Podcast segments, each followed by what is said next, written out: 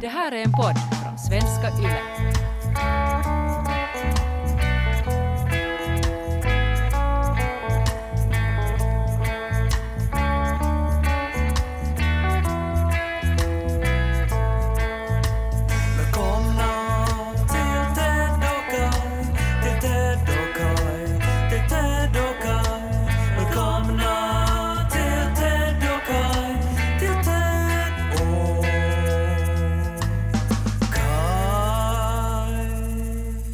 Nu tänker ju nog ni som hör det här att nu har, det, nu, har- nu har någonting gått riktigt fel. Nu har någon tokat till det på arenan. För att det är ju inte onsdag. Det har ju redan kommit en Tedokai på den här veckan. Det är ju fredag. Det är ju sommar och jag ska dricka alkohol och, och, och, och se fram emot helgen. Hur kan jag få en så här fin present nu mitt i allt i min ficka att det plingar till att nu har det kommit ett nytt avsnitt av Tedokai-podden? Vad är det som händer? Svaret är ju att du är, du är värd de, de, den, denna present. Eller Mm. alltså, jag menar inte att man ska måste förtjäna presenter. Presenter ska ju vara någonting som man får för att man är omtyckt och älskad. Eh, som man är. Ja, precis. Men att det här är ändå som ett litet tack till dig som lyssnar ehm, och, och har lyssnat eh, en lång tid på oss. Alltså, vi vill ge en liten present till dig. Du, du ska få, du är värd och du förtjänar. Eh, Varsågod, här får du ett bonusavsnitt. Ja, och så tänker jag också att en del säkert lyssnar på podden när man är eh, ute på stranden eller när man är ute med sin segelbåt eller så här. Och då är det ju eh, också roligt att få ett extra avsnitt då. Just när man, det är nu en sommarfredag, man är på väg ut kanske till, till, skärgården. Mm. Alltså vad, vad är då, det är ju just det här man vill ha. Mm. Och alkohol. Ja. Och alkoholen får ni fixa själva. Vi providar podden. Mm. Sen finns ju också en annan förklaring till den här present och det var att jag och Niko städade hemma. Eh, och då hittade vi då någonting som har varit försvunnet sedan 2018. Eh, jag vet inte om du minns så mycket av 2018. Allting som hände innan pandemin känns ju väldigt avlägset och konstigt. Mm. Så här som att det hände under andra villkor och att man var lite dum i huvudet. Man samlades i, i lokaler och, och liksom andades på varann och, och, och spred en massa virus. Ja, det som hände ju 2018 var ju att vi hade en, en otroligt stor poddturné i svensk Finland. Eh, vi besökte Vasa, Jakobstad, Åbo, Helsingfors ehm, och, eh, och hade livepoddar. Ja, och eh, om ni inte minns det här så kan ni gå och se Malena Holmström. Hon gjorde en förträfflig liten road movie om den här poddturnén som finns på arenan. Mm. Uh, jätteduktig journalist. Och så finns ju också de här avsnitten finns ju också inspelade så de kan också se på. Och när man gör det idag så slås man ju nog av det här vidriga i att vi sitter där på en scen omringade av människor, vi röker, folk skrattar så spottet yr. Alltså det är ju, det är ju som, det ser ju ut som jag föreställer mig att platsen där coronan startade. Ja, det är Wuhan-laboratoriet i, på After Eight i Jakobstad. Ja. Och eh, det där är ju någonting som ändå man minns med värme, men när man ser på det så är det som att ja, det var ju nog faktiskt livsfarligt. Mm. Men det som vi gjorde under turnén, utom att vi spred smitta runt om i Svenskfinland, var att vi också samlade in frågor från publiken. Mm. Eh, Och vi hade väl tänkt att vi kanske skulle besvara de här under själva livepoddarna. Men av någon anledning så hann vi inte göra det. Det fanns så mycket annat att prata om. Så mycket virus att sprida. Exakt, och därför så, så sparar vi ju de här frågorna och så tänkte vi då i något skede, men att vi kan, vi, vi gör ett, ett podd, ett vanligt poddavsnitt där vi besvarar de här frågorna istället. Ja, Men sen så hittar vi ju inte dem, Nej. utan de var ju spårlöst försvunna. de var spårlöst försvunna. Och eh, vi har letat efter de här i olika omgångar. Eh, senast när vi skulle göra den här stora frågespecialen kring podd 250 så tänkte vi att nej, men nu, nu ska jag vända upp och ner på lägenheten och det gjorde jag också. Jag hittade dem inte. Men nu när vi städade så återfanns då eh, en låda eh, med skräp och längst ner i lådan fanns det då uh, ungefär 200 lappar. Så jag, jag blev ju jätteglad och så ringde jag Ted och sa Ted, jag har hittat frågorna. Och eh, så sa vi, ja men va, vi, vi, måste ju, vi måste ju fira det här, vi måste ju ge, ge våra underbara lyssnare en present. Mm. Så vi, vi gör en så här spontan frågespodd och svarar på publikens frågor. Från 2018. Jag hoppas ju att de här frågorna är liksom, att de inte är jätte så här aktuella, alltså sådär att de frågar vad vi tycker om saker som ska hända 2019 till exempel. För då blir det ju ganska tråkigt. Vad tycker ni om Gangnam style med psy? Ja, men det här... eh, jag har nu då placerat alla de här lapparna i en hatt som ni känner igen om ni lyssnar på förra avsnittet. Mm. Jag befinner mig fortfarande hemma i Esse i mitt pojkrum och eh, här finns då min mammas Do Not Disturb-hatt Mm. som ju lämpar sig utmärkt nu för det här ändamålet då. Perfekt. Att jag har placerat lapparna i den och jag tänkte att jag ska som dra dem slumpmässigt då och så ska jag ställa frågan högt och så ser vi då vad vi svarar. Ja, och kom ihåg nu alltså, det är inte vi som har skrivit frågorna. Eh, om de är jättedåliga eh, så är det ju alltså någon, någon korkad människa som har ställt de här frågorna. Exakt. Någon sorts ljudeffekt borde vi ändå kunna ha tycker jag för att eh, skilja mellan frågorna, alltså de olika ämnena. Vad skulle det vara då? Någonting somrigt som att man öppnar en kapsyl eller någonting. Nej men det här blir bra tror jag. Okej. Ja, då drar jag då. Och här kommer fråga nummer ett. Vem av er tror ni skulle vara bättre på att spela säckpipa? Och ett hjärta har någon ritat här. Mm. Jättefin fråga. Ted är ju liksom bäst på sån här mu- musik som mera är liksom en, en mood eller en lappa. Och dit räknar man väl säckpipa. Det är en livsstil, det är inte ett instrument alltså. Det är ju frågan om om säckpipa ens är liksom ett instrument. Det är ju mera som en rolig grej. Jag tycker det säger så mycket om ett instrument också, för att säckpipan togs väl också fram, alltså att det användes ju i strid väldigt mycket, alltså att när man marscherar eh, och sen att, att det också skulle, skulle liksom ingjuta skräck och terror i ens motståndare. Eh, att, att man bara hör att vad är det där för spökliga toner och så är det då en säckpipa och sen får man ett svärd i magen. Och jag tror att med tanke på det så tror jag att jag skulle vara bättre på att spela säckpipa, men att du skulle vara bättre på att göra musik med en säckpipa. Men jag tror att jag skulle kunna Ja. på något sätt ha mer den här, den här ivern och den här, den här liksom blodslusten eh, och, och kiltarna som krävs för att, att spela säckpipa. Det tror jag jag skulle vara bättre på. Du kan ju också den här att när man andas runt, jag vet inte vad det Mhm. heter, alltså när man... Cirkulära Alltså andning. Ja, att du kan producera den här, den här kontinuerliga luftströmmen utåt. Ja, Som du lärde dig när du spelade didgeridoo. ja. Så jag, jag tror, att, jag tror att, att det skulle nog vara jag. Ja, jag håller med. Vä- vänta Kai, borde vi ha någon bakgrundsmusik när vi ställer de här frågorna? Ja, det är ju vissa hatar ju bakgrundsmusik och vissa älskar den. Ja. Men att eh, vi, vi kan väl ha en liten bakgrundsmusik. Ja. Så här subtil. Ja. Inte säckpipa. Nej. Det här blir bra tror jag. Nu kan du fortsätta. Jag drog en lapp här. Vad har ni i fickorna? Eh, jag har mitt, uh, mitt yllekort, mina nycklar, där jag har en eh, uh, Nuka Cola kapsyl, uh, nyckelring. För de som vet, de vet. Uh, och sen har jag min plånbok. Ja, no, jag är ju hemma i Esse. Jag har... Ni minns ju då för ett och ett halvt år sedan när man tog ansiktsmaskerna, satte in dem i plastpåsar, uh, satte dem försiktigt i fickan, bara vidrörde de här själva banden som de är fästa kring öronen med, använde den en gång och sen kastade den i roskis. Mm. Men det är ju jättelänge sedan. mm. Så jag har nu äh, två stycken äh, ansiktsmasker som jag har använt några gånger och som är hoptollade i fickan. Ja.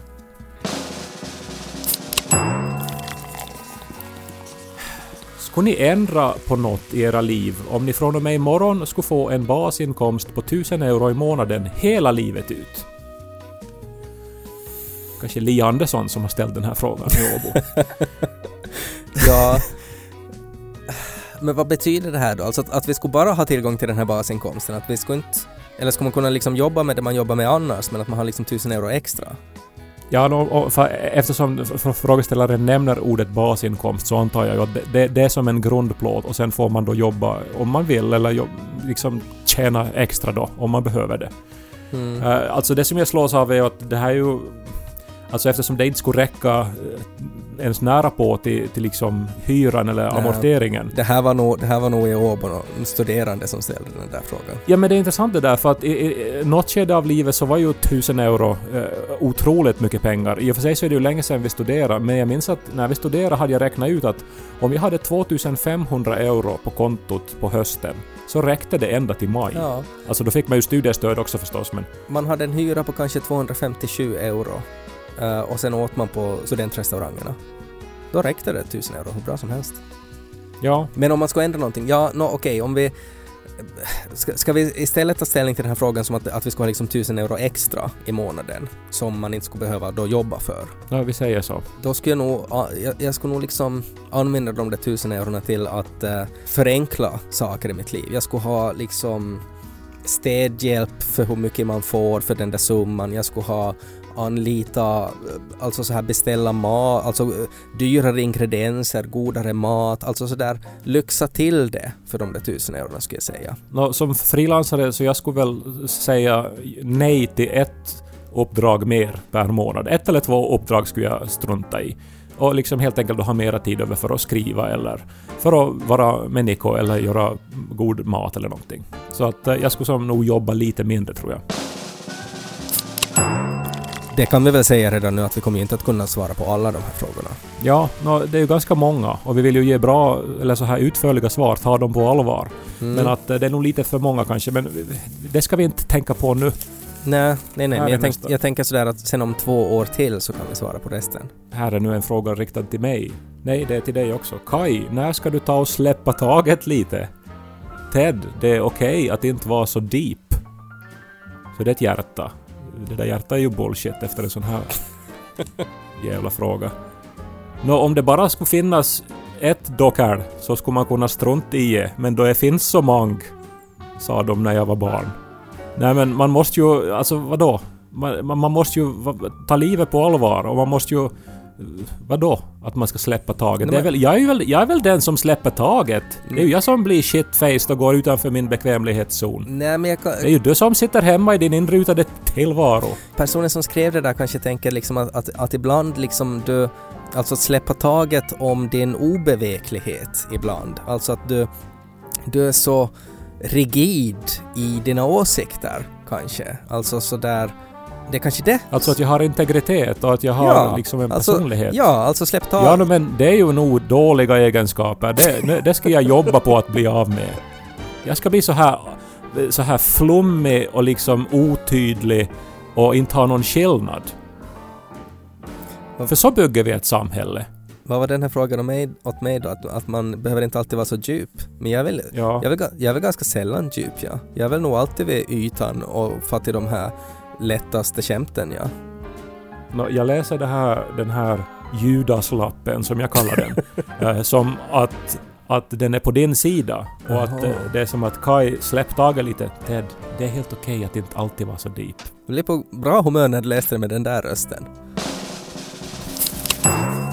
Kai, varför är homosex superior till sin motpart? ja. ja, no, jag tror jag förstår frågan, men du måste väl testa? Herregud, Mm. det har väl bevisats eh, statistiskt och logiskt och, och vare sig det gäller kvantitet, intensitet eller versatilitet att det är så. Men hur kan man statistiskt bevisa att homosex är bättre än heterosex? Nå, har man lyssnat på den här podden har man fått tillräckligt med motiveringar. Ja. Så är det nog. Annars måste man börja från avsnitt ett. Ja, Och sen finns det ju en risk att man inte sen vill återgå till något så här tråkigt heterosex. Men att eh, jag rekommenderar ju alla att testa. Vad har man att förlora på det då? nej, Använd kondom förstås och, och så har man lite kul. ja. Nej, men det är väl egentligen i alla Kais åsikter så är det väl mellan raderna att homosex är bättre. är det inte liksom den här röda tråden liksom från avsnitt 1 till avsnitt 280? Alltså om, om Ted och Kai-podden skulle ha en undertitel så skulle det väl vara det där. Nej, men alltså förstås, eh, nu, nu vill jag ju inte här nu då på något vis såra liksom heterosexuella lyssnare här. Att nu har ni säkert någon sorts sex ni också. Men det är ju någonting med det här den största njutningen uppstår väl när man är liksom i stunden och inte på något vis måste börja eh, känna oro eller alltså ha frågor eh, medan man ska njuta. Om två män eller två kvinnor har sex så då är man aldrig orolig och behöver aldrig ställa frågor. Utan det finns en sorts telepatisk kontakt där man är liksom totalt in tune med sin partner. Nej, så är det ju förstås inte alltid, men jag tror att det är mera så när äh, två människor av samma kön möts, som har likadana njutningscentra och organ. Förstås är alla individer och så vidare. Mm. Men att eh, jag, jag, jag, jag, tror att det här är nog bevisat bortom, bortom all möjlig kritik. att, eh, att, då, att då är ju förutsättningarna för att man ska nå de högsta höjderna är nog jättestora. Okej, Nej, men då var det bevisat. Bra fråga. Fick jag påminna om. Eh, har ni någon gång haft ett riktigt stort bråk och i så fall vad handlar det om? Ja, nå, alltså... Hmm, det var ju faktiskt bara för några veckor sedan i podden så pratade vi eh, om barnuppfostran. Det var jag som tog upp... Jag minns inte hur det var, men i alla fall så hade vi en, en lite så här... Eh, en hårdare diskussion kring hur man ska uppfostra barn. Eh, och jag, jag reagerade inte i stunden på att det var någonting konstigt med det. Eh, men eh, senare så diskuterade vi saken och då förstod jag ju nog på dig att, eh, att du hade tagit illa vid dig eller att, att, jag hade gått över en gräns. Och, och, och det som var svårt var att jag inte själv förstod att jag hade gjort det. Mm. Att, för att jag känner dig så pass bra att jag brukar som kunna läsa av dig och sen så, så brukar jag också intuitivt förstå hur man är respektfull mot den andra. Eh, men det är någonting med barn, och, och det är kanske naturligt att det är så, att jag inte förstår var gränserna går för att jag inte har egna barn. Nej, det är någonting med det och det är jättesvårt att förhålla sig till det. För att det är också, det handlar ju om en annan människa också. Det handlar ju inte bara om en själv och då blir det ju all psykologi liksom fördubblas ju automatiskt på något sätt och det blir jättesvårt. Och sen blir det väl också en sån här, alltså små saker som addar upp uh, eh, och mycket som tangerar ens egna bristande självförtroende i föräldraskap eller att man är jättetrött eller att man har varit med om någonting jobbigt i, överlag. Eh, så när alla de där små sakerna sen blir till en diskussion där man på något sätt kan uppleva att man blir kritiserad för, i sin föräldraroll. Eh, så då är det jättetungt och jättejobbigt. Eh, och jag tror att det där är en sak som är svår. Alltså det är, svår att, det är svårt att inse det där om man själv inte har genomgått de där processerna. För att det är så djupt personligt och så djupt psykologiskt eh, vad man genomgår. Och det är så mycket upp och ner från dag till dag. Eh, så att i sådana situationer, att, att om man inte är liksom mottaglig ens för att ha liksom på ett skojigt sätt bli kritiserad eh, så kan det vara tungt. Och det är ju också någonting som är liksom nytt för mig, alltså sådär att man under en längre tid så kan man plötsligt inse att nej men shit, oj, att nu hade jag ingen resiliens mot det här, att nu, nu, nu får det där liksom rakt in i hjärtat fastän det kanske inte var menat så, så tog jag det så. Um, och då eh, är, det ju jobbigt och då kan det ju bli ett sorts bråk. Men jag upplever ju ändå att um, att även när det blir, uppstår sådana situationer, att, att det skulle bli en sorts friktion eller potentiellt bråk, så är vi ganska bra på ändå att ta upp det och diskutera det och bearbeta det. Ja, men jag måste ju inskjuta här att under de 20 år vi har känt varandra så har det ju nästan aldrig hänt. Så Nej. på det viset så, så var det en ganska eh, unik och för mig överraskande situation som Mm. jag nog helt och hållet förstår. Men jag, det krävde liksom att jag lärde mig det manuellt. Att, att, Mm. jag, att, att jag insåg det inte automatiskt och emotionellt att, att nu gick jag över en gräns. Mm. Utan jag måste liksom via diskussionen med dig manuellt eh, lära mig att det här är så det funkar och det här ska jag undvika. Mm. Och, då, och, då, Liksom. och då ska du tänka då på min resiliens, att om man tänker då att Lo har funnits i fem år och att det var ju liksom från den där första veckan när jag bytte blöja för femte gången och du stod med skumpaglaset bredvid och gav goda råd hur man ska byta blöja. Eh, så att det tog liksom då fem år av sådana råd tills, tills det sen blev till en sån nivå för mig att nu, nu måste vi ta en diskussion om det här. Jag har ju många gånger varit rädd för det att eh, någon gång så kommer eh, din damm att brista och så kommer liksom 20 år av uppdämd vrede mot mig att Mm. ramla över mig som en sorts Alltså ett syndafall av skit. Mm. Jo, det har jag tagit upp det här flera gånger och jag brukar ju alltid säga då att det är ju inte frågan om utan det är ju en fråga om när det här kommer att hända. Det är som the big one Ja. i Los Angeles. Ja, alltså det kommer att hända. Så är det ju, men att, att eh, vi vet inte när det blir.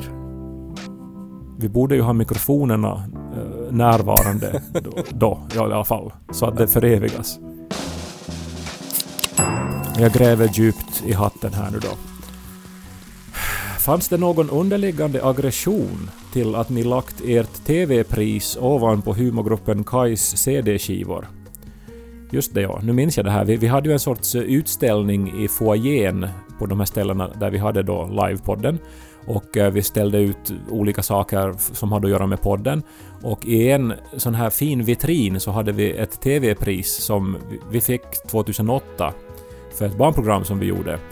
Och eh, enligt nu minns jag då att tydligen hade vi använt några CD-skivor som sorts eh, ett underlägg. Ja, för vi behövde, ha, vi behövde ha som en liten fot till den där, att det skulle ha en liten pedestal för den här.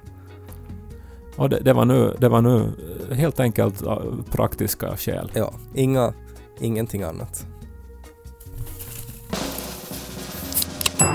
Vad skulle du Ted, Kai, bjuda på om du var med i Halv åtta hos mig? Och bonusfråga, vem skulle vara bättre berättarröst? Ja, det är ju alltså det här Arvostele mun illallinen heter det på finska. Get fucked with the neighbors heter det väl på engelska. Jag vet inte vad det heter på engelska men den här brittiska versionen, alltså de dricker, de är fulla i, liksom i bilen på väg dit.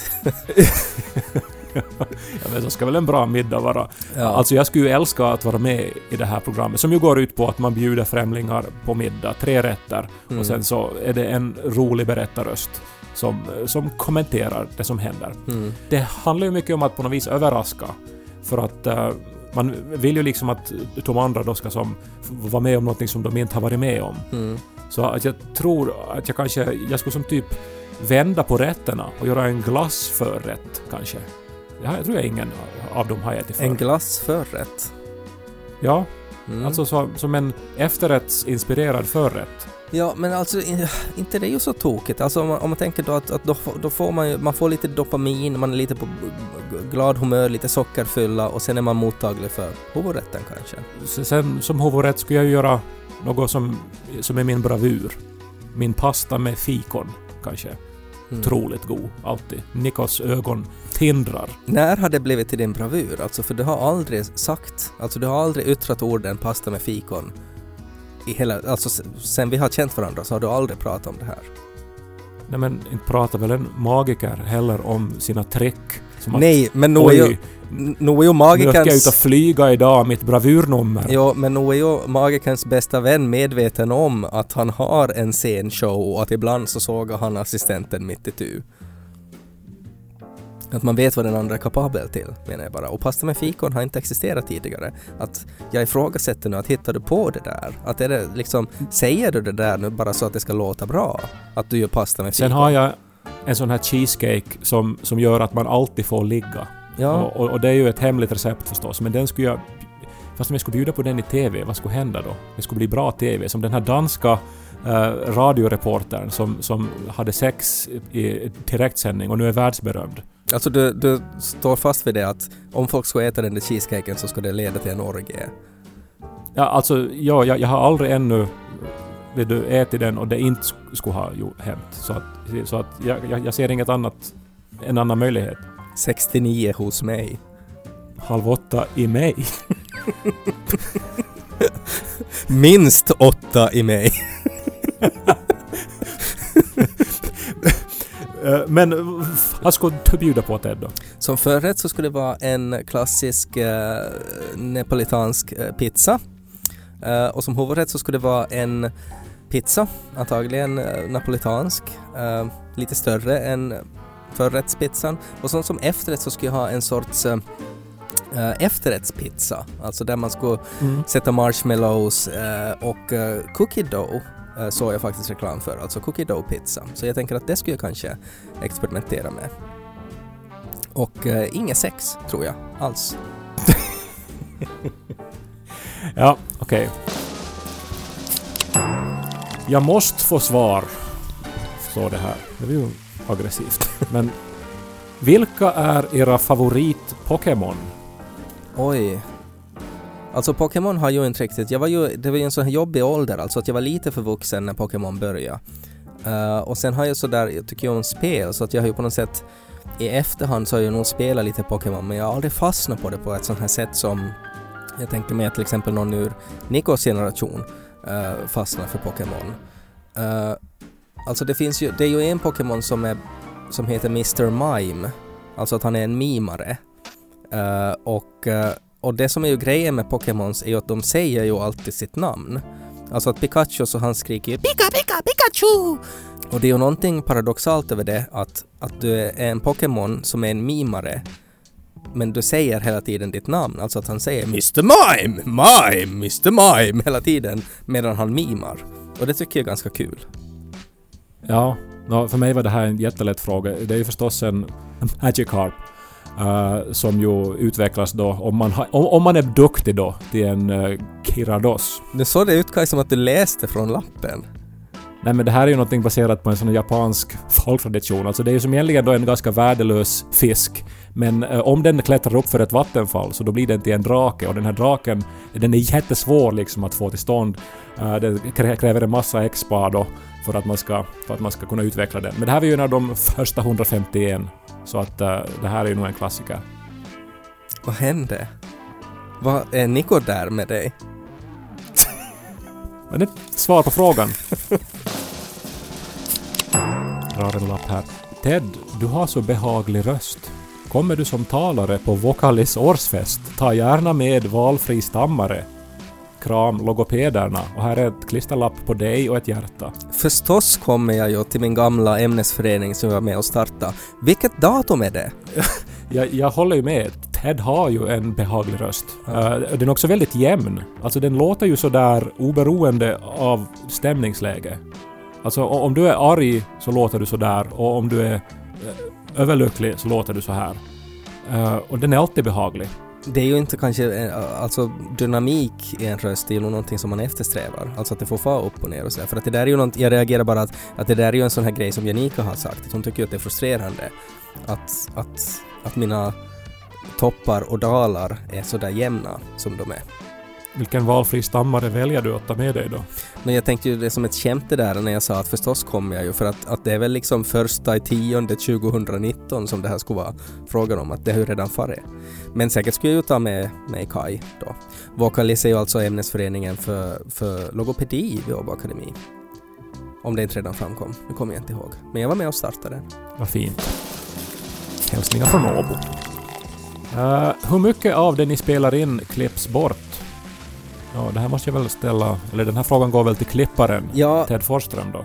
förvånansvärt lite om jag ska vara riktigt ärlig. Alltså i början så klippte jag ju ganska mycket, eh, men vi bandade också mera i början. Alltså vi strävade ju till att vara ungefär en halvtimme för ett avsnitt eh, och då bandade vi kanske sådär 40-45 minuter och så tog vi bort det som var dåligt helt enkelt. Men att nu har vi blivit bättre tror jag också med åren så att eh, nu bandar vi typ en halvtimme och så klipps det till en halvtimme. Um, oftast så är det ju sådana där, man klipper bort saker som förhindrar flytet. Att ibland kanske någon gång så någon av oss får en idé till en, ett sidospår och så är man såhär ah, ja det var precis som bla bla bla. Uh, och så eh, oftast är det kanske jag som kommer till det här sidospåret och sen har Kai bara en sån här tom blick när jag säger det och så ser jag på honom att Kai har överhuvudtaget ingenting att säga om det här. Och så säger jag kanske bara så nej, men bara fortsätt vad du höll på med. Och så klipper jag bort det där sidospåret sen. Eh, för att det skulle inte leda någonstans och ledde inte heller någonstans. Så då blir det bara som en eh, en liten, eh, som ett bihang som man snippar bort. Men överlag så kan vi väl säga att en hemlighet till en bra podd är ju att klippa. Alltså Ja. tajta och vara ganska hård med det där. Mm, Klipp, klipp. mm. Sänder kärlek från Purmo och Larsmo. Vad fint. Vilket är ert mest traumatiska skolminne? Lågstadiet till gymnasiet? Fråga då någon med föräldrarna från Purmo och Larsmo. Nå, jag minns ju, eh, jag vet inte hur mycket det nu hade att göra med skolan, eh, men jag, jag hamnade ju fast i sexan för att jag hade stulit pengar från katedern. Eh, och då blev jag intagen till lärarrummet och fick prata med läraren och rektorn.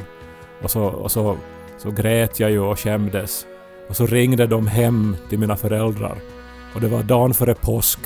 Och den påsken så var nog inte Jesu lidande det värsta, kan vi säga. Vad skulle du göra med pengarna då? Varför stal du? Jag skulle väl, vad gör nu en tolvåring? Jag skulle väl, vet jag, köpa godis eller något. Mm. Uh, inte var det ju så mycket pengar, men det var ju grejen och, och, och inte hade jag ju som gjort så här liksom förr, inte var jag ju en sån.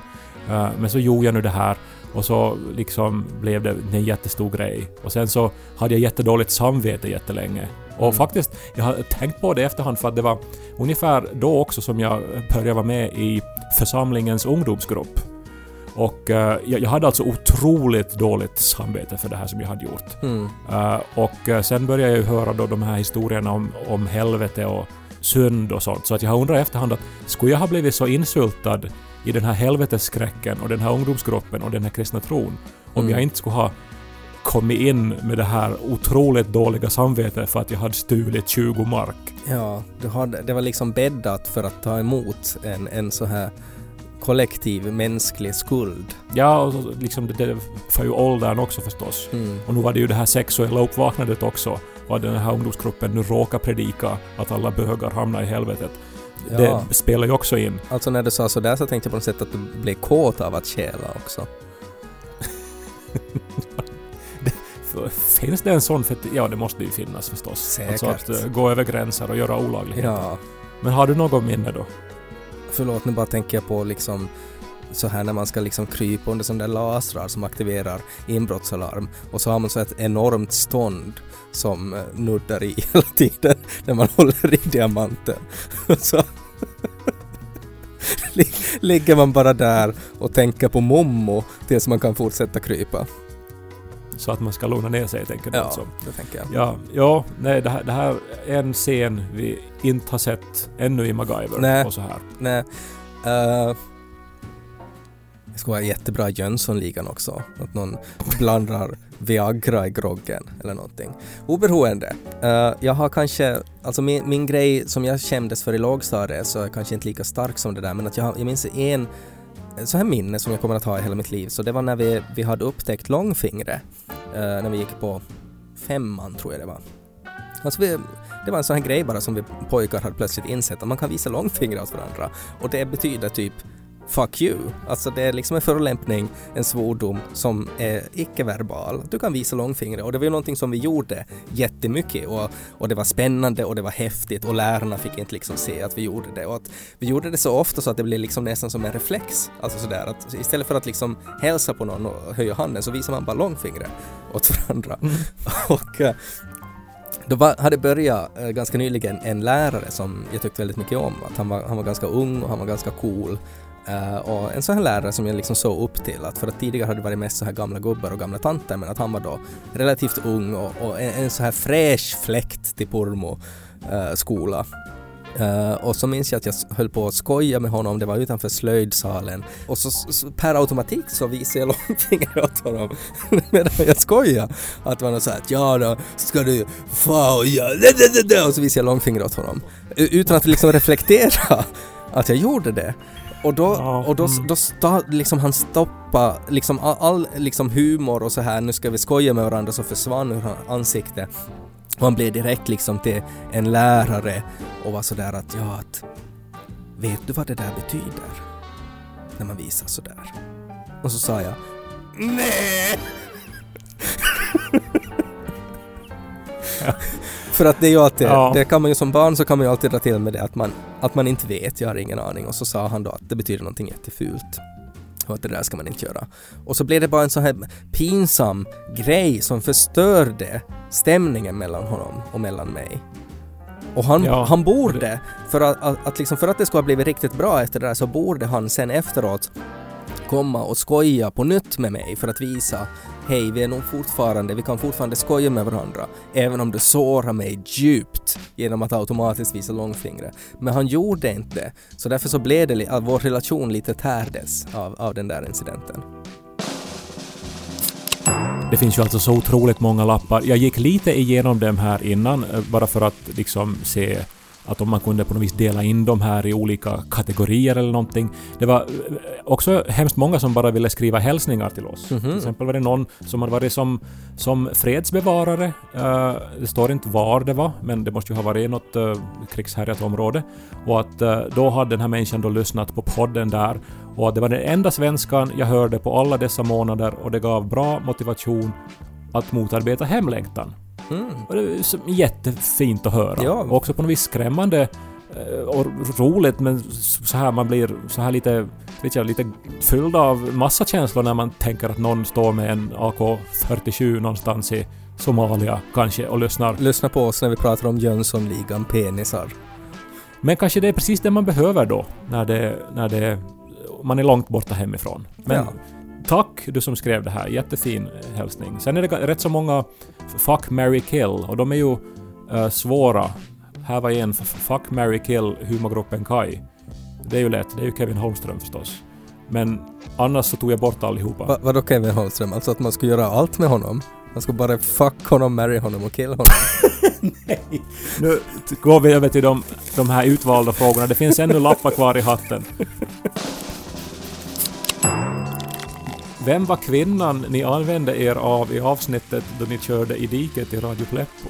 Ja, det var för jättelänge sedan. Ehm, det var min dåvarande flickvän. Hon gjorde ju också rösten till en sån här jingle som spelades jättemycket i radion. Mm. Där hon sa att varje gång hon lyssnar på Radio Pleppo så växer hennes bröst. Det här är ju kanske en reklam man inte skulle göra idag. Nej, det skulle man nog inte. Det var andra tider. Ja. Men hon ställde ju upp, hon läste ju vad vi än skrev för, i manuset. Och det där var ju alltså inte hela reklamen heller, utan sen så, så visade det sig då att, eh, att hon började protestera i reklamen mot att hon skulle säga så här. Mm. Och så var det liksom att det blev som att vi var där och på något vis ville att hon skulle läsa det här. Mm. blev det ju ännu värre. Ja. Jättedålig reklam. Ja. Men eh, hon hade en behaglig röst, hade hon väl. Så här. Vilket är ert favoritavsnitt? Eh, jag lyssnar ju inte på det sättet på vår egen podd, utom då när vi har just spelat in och Ted har klippt och så lyssnar jag så att alla stamningar verkligen är bortklippta. Mm.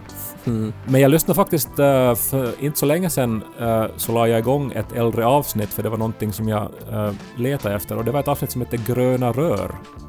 Jaha. Och, och det tyckte jag var ganska bra. Det är ett ganska gammalt avsnitt. Vi pratar bland annat om det att i Super Mario så finns ju de här gröna rören Mm. som man kan ta en chans och hoppa ner i och så kan man hitta vad som helst där. Mm. Kanske massa pengar eller eh, ett extra liv eller en blomma eller någonting.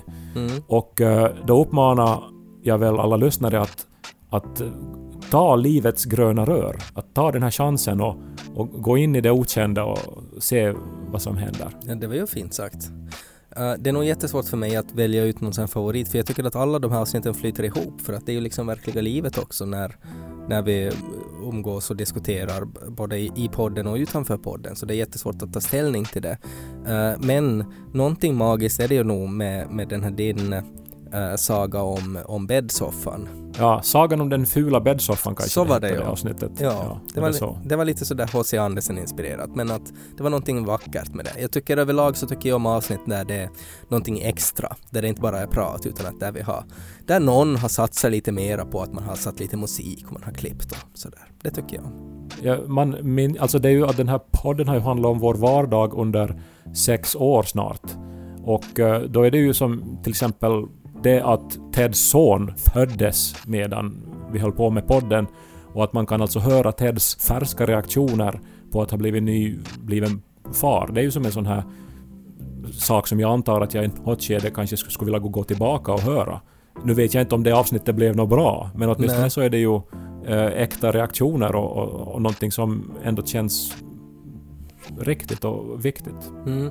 Jag har åtminstone varit glad över det att, att när jag har gått tillbaka och lyssnat på gamla avsnitt så har jag inte behövt skämmas jättemycket utan att det ändå känns som att vi har eh, att jag kan ändå liksom stå för den person jag var då och sådär. Uh, just sådär när vi var inne lite på Radio Pleppo att, att där, jag menar vissa saker åldras bättre och vissa saker åldras sämre. Men jag tycker att, att vi har ändå haft en, liksom håll, hållit en stil genom den här podden genom åren tycker jag. Sen då när du någon gång börjar ha åsikter så då kanske det är en annan sak att gå tillbaka och lyssna. Mm. Ja men vi väntar ännu. Jag drar ännu en lapp här. Jag vet inte hur många vi ska ta här nu men... eh, vilken snapsvisa är er favorit? Det här är ju Mm. kanske från Åbo kan jag tänka. Det var mycket Mm. studenter på den livepodden. Ja, jag tycker om den här. Nej, det är jättelätt. Alltså den här siffervisen, den där 5, 6, 21, 3, 4, 4, alltså jag kan ju inte den. Men, men den är rolig att skrika, tycker jag. Hade inte Frida och Frida i Radio Pleppo en snapsvisa? Var det inte något? Du ska inte tro du får dåka ifall inte någon ordnar sitt. Ordnar sitt. På Ja. sitsar så måste man dåka, annars är det ingen vits. Jag dockar så att blommorna blommar. jag dockar för det stöd, det stöd jag fick. Ja. Och till den som inte vill då åka säger jag nu Suck my dick. Och så dricker man. Ja. Det är en evergreen. Ja, den är jättebra. Borde finnas i alla såna här nationers sångböcker. Mm. Ska vi ta en till? Sista frågan. Sista frågan. Hur orkar ni umgås så mycket med varandra? Ja, nå, jag tycker ju om människor så den här frågan är nog till Ted. Ja, nej alltså inte det är ju lätt. Uh, att, att jag menar med, med det här avtalet som vi nu har så är det ju att, att jag måste orka umgås med Kai en gång i veckan minst. Samtidigt så handlar det ju om vad det är för sorts eh, av umgänge också. Uh, och umgänget med Kai så karaktäriseras väl nog av att uh, jag får minst lika mycket tillbaka som jag ger. Och jag är väl en sån person som blir ganska trött av att umgås, alltså sådär i allmänhet, alltså för att jag är ju jag är ju ganska introvert. Och, och det är ganska uttröttande för mig att umgås och vara social och sådär.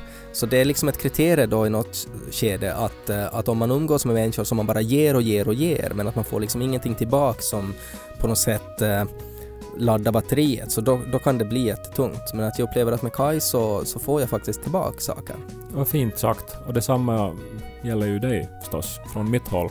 Uh, sen så umgås vi ju inte så jättemycket. Uh, speciellt inte nu under pandemin. Vi Nej. har träffats väldigt lite. Mm. Och vi har också spelat in den här podden på distans egentligen i ett halvt år nu och, och eh, också i omgångar innan det för att man inte då har rekommenderats träffas under Mm. pandemin. Och eh, det tycker jag har varit ganska tungt faktiskt. Eh, Mm. Att en stor del av glädjen med den här podden har ju varit att jag har fått träffa dig. Så Mm. att eh, jag skulle säga att det ger nog mer energi än vad det tar att umgås med dig. Vad bra! Kanske det här blev en, en så här bra sista fråga och en avslutning nu på det här bonusavsnittet. Ja, Vad är nu bättre bonus än att få svar på två år gamla frågor? Eller tre år? tre år? Tre år! Tänk dig att det är så länge sedan. Eh, och den här podden har funnits i sex år. Så det var liksom Mm. Från halvtiden kom de här frågorna nu. Mm. Vi hoppas ju kunna göra livepodd igen. Det blir väldigt roligt och det finns flera städer vi gärna skulle, skulle besöka ännu också. Det, var ju, alltså det är ju en speciell sak också när det faktiskt händer live i rummet, att man inte kan ta om och, och man kan inte klippa och så här. Mm. Och eh, sen att man får publikens reaktioner minns jag var jätteroligt. Så jag hoppas att vi kan göra det igen så fort eh, det, det, det är möjligt. Det hoppas jag också. Ni ska ha en jättefin fredag och en bra helg. Ja, Så hörs vi på onsdag. ta hand om er. Hej då! Hej!